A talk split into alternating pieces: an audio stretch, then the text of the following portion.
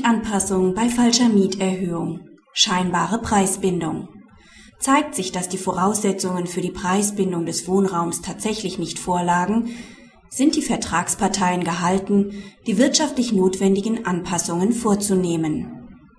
Im neuen BGH-Verfahren gehen die Mietvertragsparteien irrtümlich davon aus, dass es sich um preisgebundenen Wohnraum handelt. Der Vermieter erhöht über Jahre hinweg einseitig die Miete, bis der Irrtum bemerkt wird.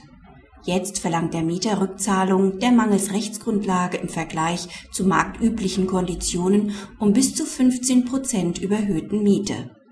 Ein solcher Anspruch steht ihm nach Ansicht des BGH nicht zu. Die Preisbindung des Wohnraums war Geschäftsgrundlage des Mietvertrags, der Vermieterin kann wegen der aufgrund der unwirksamen Mieterhöhungen abweichenden erheblichen Differenzen zur marktüblichen Miete ein Festhalten am Vertrag nicht zugemutet werden. Für die Vergangenheit kann sie auch Mietanhebungen nach 558 BGB nicht mehr durchsetzen. Wegen der dort festgelegten Grenzen wird auch zukünftig eine Anpassung der ursprünglich vereinbarten Miete an die Marktverhältnisse nicht möglich sein dieses auffällige Missverhältnis muss die Vermieterin nicht hinnehmen, sondern kann eine Anpassung an die Marktverhältnisse und nicht an die Kostenmiete fordern. Praxishinweis. Da beide Parteien sich über die Preisbindung jahrelang geirrt haben, erscheint das Ergebnis sachgerecht.